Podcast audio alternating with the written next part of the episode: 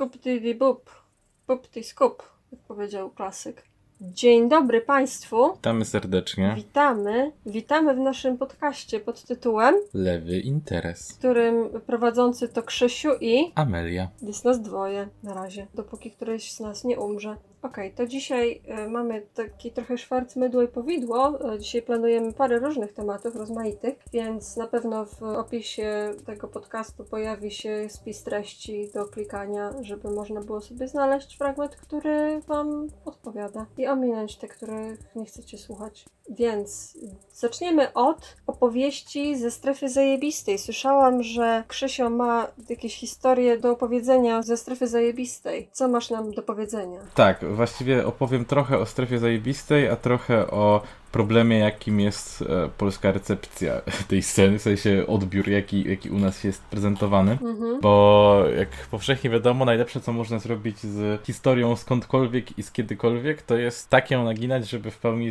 wcisnąć ją w swój obecny dyskurs, najlepiej polityczny i społeczny. Więc w, w obecnej chwili, kiedy, kiedy przychodzą różne informacje z Stanów, jest to woda na młyn wszelkiej maści rasistów i ludzi, którzy po prostu no, szukają potwierdzenia dla swoich ksenofobicznych, rasistowskich i e, zwykle alt-rightowych twierdzeń. Trochę błądąc po internecie znalazłem sobie e, Znalazłem coś, co z początku myślałem, że to jest zbieg okoliczności, jak zobaczyłem tylko wynik wyszukiwania w Google, ale Wszedłem, logo zaczęło trochę już mi przypominać i rzeczywiście nie myliłem się. Jest, jest taka strona, która nazywa się, uwaga, Stewczyk Info. I Mm. Stewczyk Info, należące do tej samej spółki co Kasy Stewczyka oraz Skok i czasnafinanse.pl, partneruje m.in. z W gospodarce, w polityce, Gazeta Bankowa, Tygodnik Sieci, duży zbieg okoliczności. Mm, Zasadniczo jest to bardzo dziwna strona. No, Zrobię tylko jeszcze krótki wstęp o tym, co, co mówią o sobie. Stewczyk Info to portal informacyjny, który odpowiada potrzebom internautów, którzy szukają nie tylko codziennej dawki świeżych wiadomości,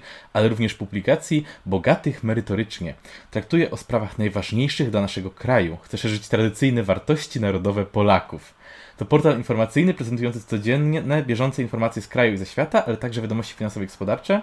Nie poprzestaje na swoje wiadomości, ale stara się przybliżyć świat poprzez publicystykę i raporty, autorskie blogi, a nawet rozrywkę. To, co wyróżnia portal Stewczyk Info na tle pozostałych serwisów informacyjnych, to rzetelny przekaz autentycznego obrazu wydarzeń. I tak, jest, można się z tym kłócić, bo e, warto wspomnieć na przykład, że za każdym razem jak mówią coś o Ameryce, piszą o organizacji Antifa, współpracującej z organizacją Black Lives Matter, a jak piszą o samej Antifie, to wspominają, że jest to grupa mocno wspierana przez Trzaskowskiego.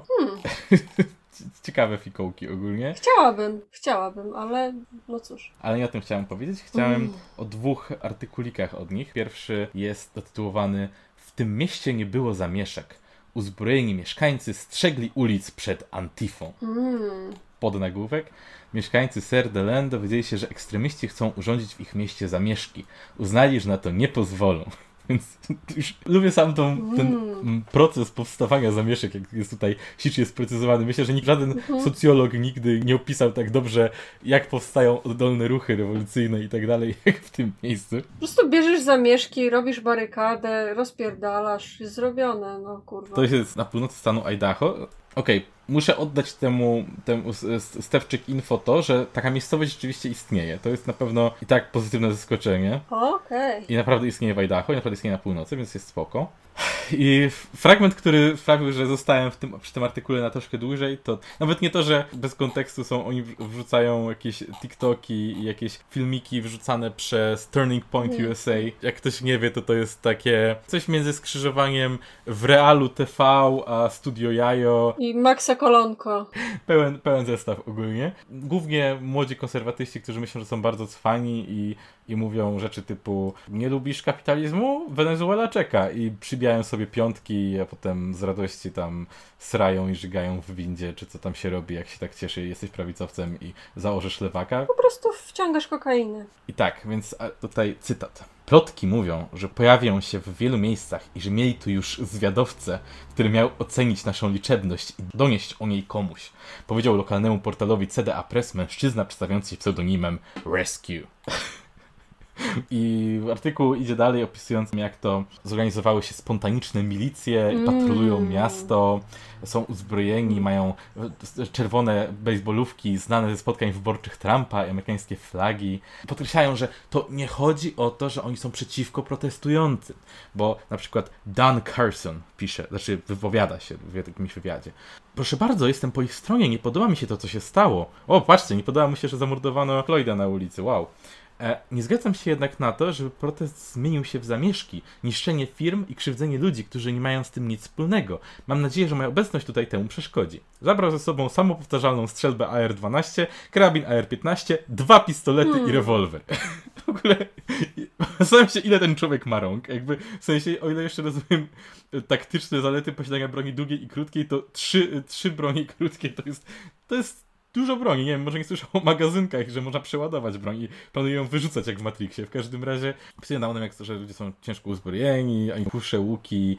Jest wzruszająca historia o człowieku, który z kałasznikowem broni baru Moose Lounge, w którym kiedyś pracował jako bramkarz, to jest jego, jego ulubiony bar i on go będzie chronił i tak dalej. Jezus Maria. A pamiętasz tego kolesia, który się rzucił, żeby z łukiem, czy z kuszą, miał taki, miał chyba kuszę, taką współczesną i chciał nią bronić baru i potem na prawicowych portalach się przewinęła fala jakby filmów, jak ludzie go leją, bo oczywiście natychmiast zanim zdążył wystrzelić jedną strzałę z tej kuszy, to od razu dostał w mordę. I druga połowa tego filmu się znalazła na, na portalach prawicowych, że Jezus Maria biją biednego człowieka, a potem się okazało, że ganiał za ludźmi i próbował do nich strzelać z kuszy. Tak, i jeszcze z tego co widziałem, to chyba nawet go sami protestujący opatrzyli hmm. po tym, jak, jak mu spuścili w pierdol. Ale, ale co jest najlepsze, policja go potem zgarnęła i wypuściła go. I jeszcze potem dziennikarze z nim rozmawiali i był z nim wywiad i co mnie najbardziej przeraziło w tej sytuacji to to, że był przedstawiony jako ofiara strasznego mobu, mimo że dziennikarze nawet nie ukrywali, że on poszedł na tych ludzi z łukiem, ale mimo to był jakoś ofiarą w tej sytuacji. Jeszcze był podobny typ z maczetą, który nawet nie był barmanem w barze, którego bronił, tylko po prostu lubił ten bar i postanowił go bronić i poszedł z maczetą y, ciąć ludzi, którzy próbowali, nie, nawet, oni chyba nawet nie próbowali rozjebać tego baru, tylko po prostu szli tą ulicą protestujący i tam zaczął im wygrażać. Bardzo szybko dostał serię ciosów w głowę i ludzie zaczęli po nim skakać i było bardzo zabawnie. No, przeżył, więc... Ale był, widziałem potem przedstawiany jako pracownik baru, który został bezpodstawnie zaatakowany Aha. przez ludzi. Też widziałem właśnie taki artykuł najpierw, wiesz, co mi się znalazło o nim, to że o, jaki, jaki biedny biedny człowiek, on tam tylko pracował, gdzieś chyba właśnie, że nie pracował, że pojechał tam specjalnie atakować ludzi maczetą, nie? Aha, jeszcze chciałem skończyć o tym artykule, więc, więc tak, więc jest opis tych dzielnych chłopców naszych, którzy tam chronią te te bary swoje ukochane przed Antifą, który z tego z artykułu wynika nawet nie bardzo ktokolwiek protestuje w tym mieście. Na zdjęciach widać e, dużo panów z brodami, skórzanymi kurtkami, kamizelkami taktycznymi, a część po prostu jak na ryby i stoją bardzo dumni z bronią i stoją na chodnikach i się rozglądają i przyglądają innym ludziom z bronią, którzy wszyscy są po tej samej stronie. Podoba mi się w ogóle sposób, w jaki, oni to, jaki to jest pisane, więc Nikt tutaj nie chce konfrontacji, ale każdy jest na nią gotowy, gdyby zaszła taka potrzeba. Ale nikt jej nie chce i modlimy się, by do niej nie doszło, powiedział dziennikarzem uzbrojony w ER-15 i Glocka 19 Trevor Treller. Ujawnił, że też słyszał, to nie jest tak, że on po prostu powtarza plotki i jest firmongerem. Ujawnił, że też słyszał o tym, że do jego miasta członkowie Antify są zwożeni autobusami. Wcześniej w pobliże parkingu podjechał samochód, którego pasażerowie byli ubrani, uwaga, w charakterystyczne czarne stroje. Charakterystyczne czarne stroje? No w mundury Antify, tak? I uwaga, ale to jest nie tylko, że przyjechali ale po zobaczeniu obstawy protestu rzucili w ich stronę kilkoma wiązankami przekleństw i odjechali. Pojawiła się również policja, która powiedziała uczestnikom protestu, że właściciel sklepu nie życzy sobie ich obecności. Obie grupy spokojnie przeszły na drugą stronę ulicy. Czyli to jest znowu stworzenie tego, że jak, jak ci się coś nie podoba, to możesz sobie protestować, nic nie mam przeciwko tobie, ale tak długo jak jesteś bardzo grzeczny, nie? Bo w momencie, w którym jesteś ubrany na czarno, czyli ten charakterystyczny mundur organizacji Antifa... Tak, i w ogóle to mnie trochę wkurzało, że liberałowie strasznie się dawali nabrać na te, na te fake newsy, że ci, co leją się z policją i nie wiem, rzucają rzeczami, czy robią looting Walmartów, to są wszystko pozwożeni, biali ludzie, a nie ci dobrzy, yy, czarni ludzie, którzy są pokojowo nastawieni i tak dalej. Wszyscy powinni być, jak, wszyscy, wszyscy powinni być grzeczni i pokorni, tak jak ci czarni, których sobie wymyśliliśmy. Bo jakby dobrym przykładem było to, że teraz jak była ta akcja, że faceta zastrzelili pod restauracją Wendy's i potem tą Wendy's ktoś zjarał i poszedł taki news, że to biała dziewczyna spaliła to Wendy's. Nie? I wszyscy się wkurwili i szukali tej dziewczyny, łącznie z ludźmi, którzy są jakby za Black Lives Matter, że ona jakby przywoszczyła ten ruch i próbuje sobie zrobić jakąś zabawę z tego, nie, nie można tak robić i ludzie strasznie ją ścigali, e, zaczął się taki naprawdę mob na nią, po czym ją aresztowano i okazało się, że ona była dziewczyną tego zabitego. Mm. Co nie, jakby ktoś wpadł na to, żeby skierować opinię publiczną przeciwko jedynej osobie, która tak naprawdę miała prawo do osobistej jakby vendetty w tej sprawie. Mm. Co nie, i jakby to jest takie... Chciałabym, żeby liberałowie myśleli troszeczkę więcej, zanim coś zrobią. Na mnie to wkurwia. Ja, ja tutaj zrapa, z, zrapapuję ten artykuł, on się ładnie kończy cytatem z Breta Surplusa w ogóle. Jezus Maria. Połowa tych nazwisk jest tutaj rzucana, żeby... są przypadkowi ludzie, więc kiedy coś jest w internecie, to są po prostu internauci, ale kiedy to ma brzmieć jakoś tak poważniej, to tutaj nagle powołują się na ludzi, dają imiona i nazwiska ludzi, że to brzmiało bardziej wiarygodnie, po czym mówią, że ci ludzie dzielą się pogłoskami. To mnie strasznie bawi w tym wszystkim, bo to jest takie próba uwiarygodnienia pogłosek przez przyklejenie do nich nazwiska. Ale dobra, hmm. więc tak. Długo, długi czas siedzieliśmy biernie i patrzyliśmy, jak reszta Ameryki nie pomaga swojej cienkiej niebieskiej linii, bo boją się albo nie są uzbrojeni. Tu się to kończy, w tym stanie, stwierdził były policjant Brett Surplus. Mm. Kocham łowić, kocham polować, kocham Idaho. Chcę chronić nasz sposób życia. I tak się kończy artykuł. Inna sprawa, że wydaje mi się, że to, co opisujesz, takie fejkowe nazwiska mają często ci chłopcy, nie wiem jak oni się nazywają, to są ci w kwiecistych koszulach, co chodzą właśnie bardzo uzbrojeni ala bojówka, chodzą w kwiecistych koszulach i atakują ludzi i oni często właśnie się posługują takimi fejkowymi w rodzaju właśnie mm. rescue albo takimi przydomkami i to wydaje mi się, że to mógł być ktoś z nich. Właśnie w, w tym tygodniu podpalili kogoś żywcem, te, te, te ziomki w koszulach kwiecistych. Nie wiem jak się ta subkultura nazywa, ale oni są wszędzie w Stanach i właśnie tak się zachowują i tak mówią o wszystkim i, i, i, są związani właśnie z alt-rightem. Tutaj właśnie jeszcze, żeby potwierdzić, jak bardzo bliski alt-right jest serduszku redakcyjnemu Stewczyk Info. Już kończę ten temat, ale wrzucili artykuł mm, dzisiaj Wyrazy wsparcia płyną z Polski dla zaatakowanego przez lewicowe bojówki Posobca, ale nie od dziennikarza Gazety Wyborczej. O. I jest o tym, jak to Jack Posobiec, amerykański dziennikarz polskiego pochodzenia, słynący ze swoich konserwatywnych poglądów, został zaatakowany strasznie, kiedy wszystko, co chciał zrobić, to chronić pomnik Lincolna, który przecież jest, jest, jest tutaj taka sprytna sztuczka, że jest napisane, że mimo, że Lincoln był, e, był przeciwko niewolnictwu, ale pomniki Lincolna są atakowane, bo był zwolennikiem supremacji białej rasy, również ten znajdujący się w mauzoleum byłego prezydenta Stanów Zjednoczonych w Waszyngtonie, kropka, następny akapit, to właśnie w obronie znanego monumentu postawionego w Lincoln, Lincoln Park stanął konserwatywny hmm. dziennikarz polskiego pochodzenia Jack Posobiec. No i teraz, co to jest sprytne, to jest to, że myślimy o tym mauzoleum e, w Waszyngtonie, to myślimy o tym takim, gdzie on tak godnie sobie siedzi na fotelu i o, czemu to komuś to przeszkadza, on go chronił, fajnie. Ale monument, którego on konkretnie chronił, którego chciał obronić w Lincoln Park, to jest monument, na którym u stóp E, Lincolna klęczy czarny człowiek. To jest zupełnie inny monument, który oni tutaj specjalnie pomijają i specjalnie tworzą skojarzenie z zupełnie innym monumentem, który nie hmm. wygląda tak kontrowersyjnie. No i tam jest nagranie, jak go atakują wyzywają od nacji. Oni chyba go w ogóle zaatakowali wodą, oblali go wodą i on krzyczał, co gdyby kwas? to, to, to samo swoją drogą, co ten były ksiądz y, z Pierdox z Polski. Tak, tak. Jezus Maria, jak on się nazywa? Jak się nazywa ten chuj, jebany. W każdym razie tak. E, i, I pada właśnie o tym, że Jacek Harłukowicz z Gazety Wyborczej napisał wsparcie z Polski dla hitlerowca odprowadzącego program w TVP, a jednak wciąż dziwi. Mm. I przedstawiają to jako coś złego, że wszyscy dziennikarze tutaj chronią tego dzielnego mężczyznę, który został tak brutalnie zaatakowany, bo go popchnęli parę razy. E, tymczasem ten okropny Harłukowicz, on, on, on nie, chce, nie chce mu wyrazów wsparcia przesłać po tym, jak go popchnęli na ulicy. Oj, oj, oj. Tymczasem e, warto wspomnieć, że sam, e, sam właśnie zaatakowany e, jest e, między innymi bardzo, bardzo dumnie używa 14 słów, 14 words.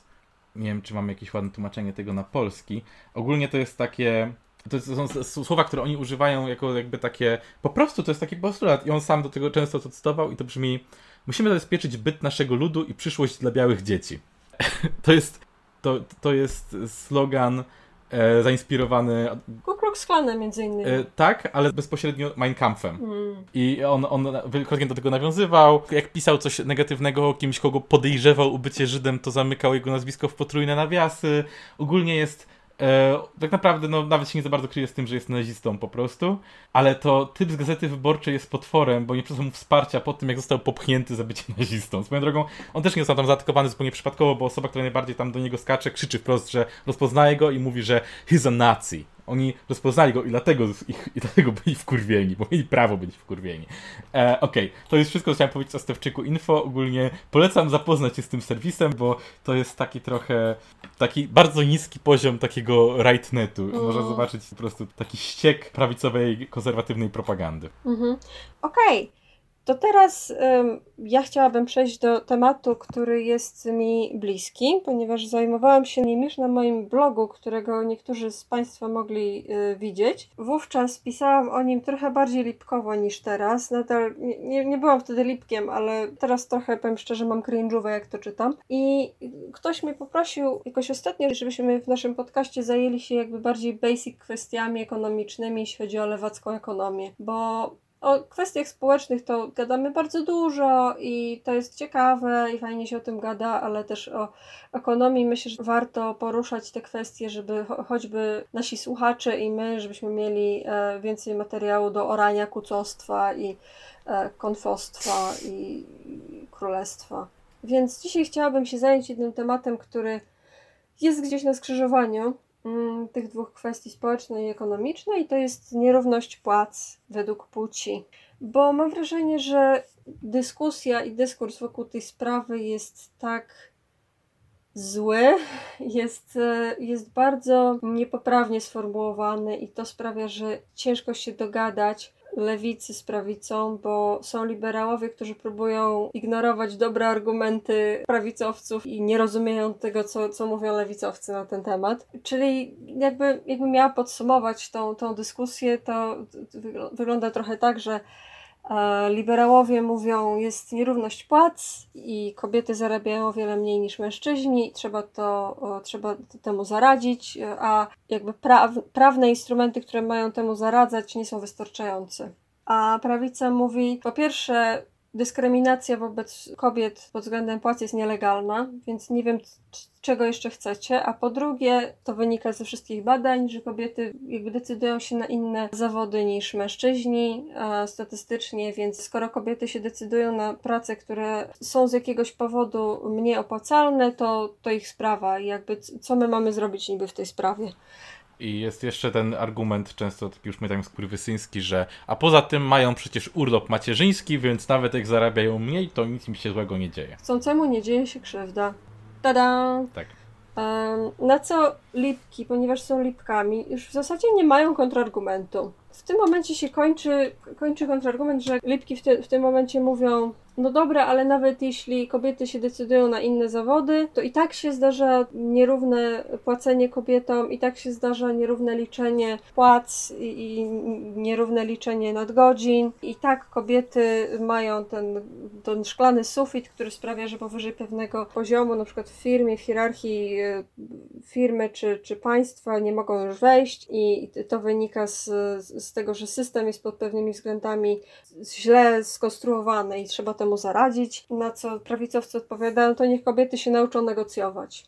I na tym w zasadzie dyskusja się kończy, bo wtedy lipki mówią, to przecież to nie, nie, nie kobiety mają o siebie same dbać, tylko ludzie mają o siebie dbać nawzajem, czy coś takiego, że nie można wszystkiego zwalać na to, że kobiety nie, nie, nie umieją negocjować.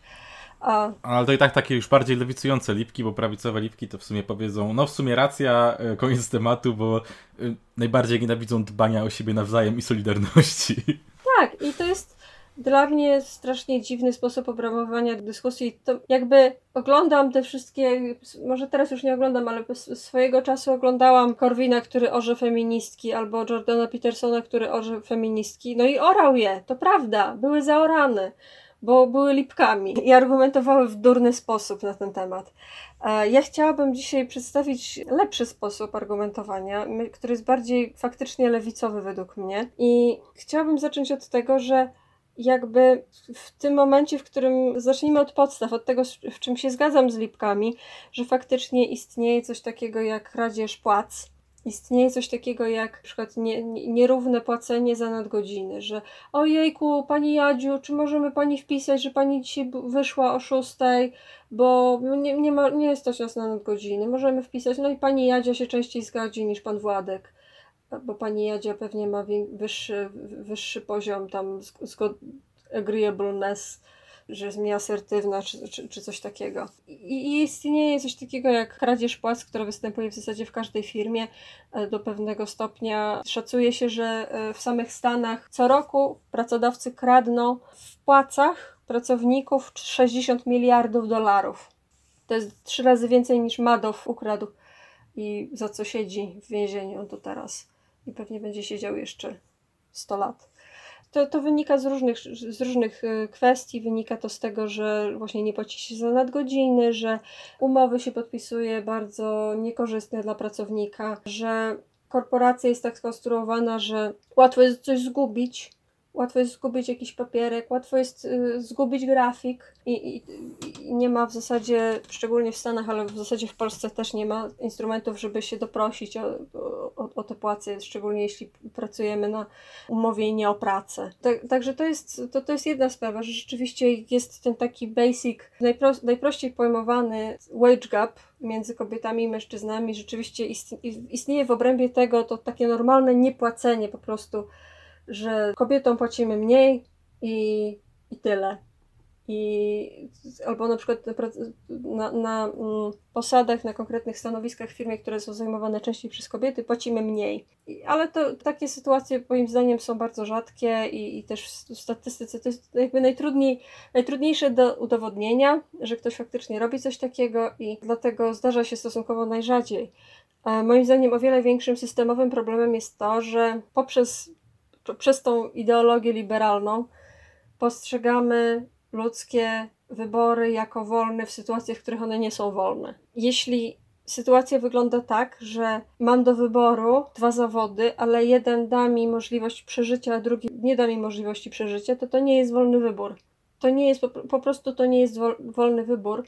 I to na przykład widać y, w różnych badaniach, które pokazują to, że w gospodarkach, które sobie lepiej radzą, są bardziej równe, w których jest większe równouprawnienie kobiet, e, kobiety częściej decydują się na sfeminizowane zawody i częściej decydują się na przykład na humanistyczne kierunki studiów, a rzadziej na STEMy. Natomiast w krajach na przykład arabskich, w Indiach y, jest więcej kobiet, które idą w inżynierię, idą w informatykę e, i w ogóle w nauki ścisłe. I, I to według niektórych, według niektórych, którzy to badają, to się wiąże właśnie z tym, że okej, okay, może czy ze względów kulturowych, czy jakichś tam wewnętrznych, y, nie wiem, a priori, kobiety decydują się na inne kariery niż mężczyźni, ale w sytuacji, kiedy kobiety mają do wyboru albo robić to, co chcą, albo przeżyć za godziwe pieniądze, to to nie jest uczciwy wybór, przed którymi się je stawia. Nie ma żadnego powodu na przykład, żeby pielęgniarka zarabiała gorzej niż lekarz. Jedno i drugie musi skończyć studia, jedno i drugie musi skończyć bardzo ciężkie studia tak naprawdę praca pielęgniarki jest fizyczną, ciężką pracą, którą w zasadzie nie ma powodu, żeby wykonywały tylko i wyłącznie kobiety, bo to jest praca na, polegająca na dźwiganiu ciężkich przedmiotów. W zasadzie jakby, jakbyśmy się kierowali tym, kto ma więcej fizycznej siły, to mężczyźni powinni być pielęgniarzami statystycznie. A jednak kobiety wykonują tą pracę, bo historycznie wykonywały ją siostry zakonne, które w ogóle nie trzeba było płacić. W, w ogóle tylko jeszcze tak chciałem zwrócić uwagę, że całe takie gadanie, że e, kwestia wyboru, gdzie idziesz do pracy, moim zdaniem to jest takie straszne pierdolenie, bo jakby ludzie bardzo często traktują to, jest, to wynika zresztą z takiej kapitalistycznej idei, na przykład skąd, skąd pochodzą pensje, tak? Traktuje się pracę, jakby to był taki praktycznie jak produkt, który leży na półce, który możesz sobie obejrzeć, wybrać ten, który ci się podoba i zacząć. A prawda jest taka, że jak często człowiek realnie może rozpatrzyć bardzo dużo opcji, kiedy szuka pracy, tak? Jak często możesz wziąć każdą dostępną ci pracę i w danej chwili powiedzieć, hmm, mam 10 wyborów, wiem dokładnie jak w jakiej będzie i jakie będą tego następstwa i sobie po prostu wziąć i wybrać. Rynek pracy tak nie działa, to nie jest papier toaletowy w sklepie, który możesz sobie obmacać, wybrać, a potem nawet jak ci się nie spodoba, to możesz przyjść i kupić inny, tak? E, strasznie durne jest to założenie, że to jest taki totalnie wolny wybór, zwłaszcza, że większość karier dalej jednak wymaga wcześniejszego nakładu sił, który dodatkowo jeszcze często wymaga nakładu sił w czasie, w którym człowiek nie do końca w pełni wolno stanowi o sobie bo na przykład dużo mocniej wpływa na niego otoczenie, wpływa na niego rodzice, którzy mają jakieś swoje wizje tego, co ich syn powinien robić, co ich córka powinna robić i wydaje mi się to w jakimś stopniu po prostu idiotyczne, takie założenie, że praca jest właśnie taki towar w sklepie, który możemy sobie obejrzeć, porównać, wybrać i zabrać do kasy, nie? To jest tak, taka tylko jeszcze moja dygresja odnośnie tego, że po prostu sobie kobiety wybierają inną pracę. To jest dla mnie strasznie naiwne podejście. Tak, jestem ciekawa, jak według nich to się dzieje, że niektórzy ludzie są sprzątaczami albo jedzą, jeżdżą śmieciarką. Że to jest kariera, którą, o której oni marzyli od lat i tak sobie wybrali, że... Jak sobie poczytasz, to, jak sobie poczytasz LinkedIna i biznesmenów, co tam piszą, to często usłyszysz, że e, oni po prostu wybrali sukces, a inni ludzie tego sukcesu nie wybrali. I wiesz... Hmm. Rozwiązanie, nie? No to, kurde, rozwiązali generalnie problem nierówności na świecie. Po prostu musisz wybrać równość i tyle. No nie, ale wiesz co, bo mm, jeszcze mnie to wkurza trochę, że jakby nadal większość tego, co uważamy za sfeminizowane zawody, jest bezpośrednią pozostałością patriarchatu, który jest powiedzmy dość, nawet nie, nie mówię o tym w takim prymitywnym sensie, że albo kobiety siedziały w domu, a mężczyźni chodzili polować, czy coś takiego tylko mówię o rzeczach, które się wykluły w XIX-XVIII wieku. Na przykład y, jeszcze w XIX wieku zawód nauczyciela, nawet dla małych dzieci, był bardzo zmaskulinizowany. Mhm. Uważano, że mężczyźni powinni uczyć dzieci, bo mężczyźni są ostrzejsi, są lepsi w dyscyplinie. A, a potem młode kobiety zaczęły być guwernantkami młode kobiety zaczęły, z, zaczęło się w ogóle coś, takie pojęcie jak młody dorosły, młodzież, młody dorosły. Kobiety zaczęły chodzić na studia i e, nagle była cała grupa kobiet, które jeszcze nie wyszły za mąż, więc jeszcze mogły pracować, ale wiadomo było, że nie będą pracować długo i nie zdążą awansować. E, więc te kobiety brano właśnie do szkół, żeby móc im płacić mało, e, bo to była taka świetna grupa, którą bardzo łatwo można było wyzyskiwać. I gdzieś na przecięciu klasy i płci się wykluło, wykluł ten fenomen, że zatrudniano wyłącznie kobiety po jakimś czasie, bo po prostu łatwo było im nie płacić albo płacić im śmiesznie mało. Zawsze można było powiedzieć, nie podoba się, to wyjdź za mąż. Mhm. Zawsze można było, zawsze było, było takie wyjście. To samo było z, ze wszystkimi zawodami wykonywanymi przez siostry zakonne. Też świetny sposób, żeby komuś nie płacić i mu kazać robić te rzeczy dla Boga. O, ostatnio słyszałam coś takiego, że istniały szkoły dla służących w Polsce. Były służące, które były w zasadzie y, niewolnicami, czy takimi ubezwłasnowolnionymi służącymi w domach państwa w Polsce i istniały specjalne szkoły dla takich pań, które uczyły ich właśnie, że, że to jest służba Bogu. Że jak służysz komuś, jak służysz y, rodzinie za marne pieniądze, za, albo właściwie za brak pieniędzy, znosisz molestowanie seksualne i potrzebę spania pod stołem w kuchni, bo nie ma dla ciebie miejsca nigdzie indziej i brak dni wolnych przez całe życie i brak możliwości wyjścia za mąż i zajścia w ciąży jak tego nie tolerujesz, to nie tolerujesz Boga. I tutaj jeszcze mogłabym się udać na gimboateistyczną wycieczkę na temat y, w ogóle religii i jej roli w, w świecie i w zniewoleniu kobiet, ale to już jest myślę temat na osobne, na osobne zajęcia. Mhm. Tutaj Amelia z przyszłości. Chciałabym tylko dodać jeszcze jeden przykład, że taki sam efekt wystąpił w zawodach informatycznych. Też kobiety były zarówno w Polsce, jak i na Zachodzie mniej więcej połową siły roboczej w zawodach informatycznych. I to się powoli zmieniało nie dlatego, że kobiety ewoluowały do nieumienia matmy i do nieumienia informatyki, tylko dlatego, że wystąpiły zmiany w tym, jak się postrzega w ogóle informatykę. Na przykład w Stanach e, miała miejsce w 1983 roku bańka e, na rynku gier wideo, po której firmy produkujące gry komputerowe się zdecydowały e, bardziej sfokusować swój marketing, skupiając się wyłącznie na chłopcach I od tego czasu, dokładnie po tym momencie, dokładnie tam 10-15 lat później, widać bardzo ostry spadek w e, liczbie kobiet, które studiują e, informatyczne kierunki i pracują w informatycznych zawodach. Tak samo w Polsce podobny efekt miała y, transformacja i to, że y, już nie było takiej presji na nauczenie się jakby tych samych przedmiotów, tylko było większe zainteresowanie Stanami i wzorcami ze Stanów Zjednoczonych. Więc y, jakby to, to jest to, co chciałam powiedzieć, że jeśli ktoś będzie was próbował się, się z wami kłócić y, na temat równouprawnienia kobiet, to może zacznij, zacznijcie od tego, że zapytajcie tę osobę, jak ona definiuje wolność wyboru w ogóle. E, a później zapytajcie, jak ona definiuje równość mhm. w dostępie do wolnego wyboru. Bo to, to jest coś, co wynika, jakby. Ja wolę żyć w świecie, w którym istnieje jakiś. E, istnieją zawody sfeminizowane i zmaskulinizowane, ale te zawody, powiedzmy, są traktowane jako równe sobie to jakby ja to tak definiuję, że może nawet jest tak, że jakieś y, osoby będą grawitowały bardziej w tą sfeminizowaną stronę, a jakieś osoby w tą zmaskulinizowaną. I to nie jest problem sam w sobie. Problemem jest to, że zawody sfeminizowane to jest getto. To jest getto dla kobiet, które już wracając do przykładu pielęgniarek. Dlaczego? Jaki jest logiczny powód, dla którego pielęgniarka ma zarabiać mniej niż lekarz?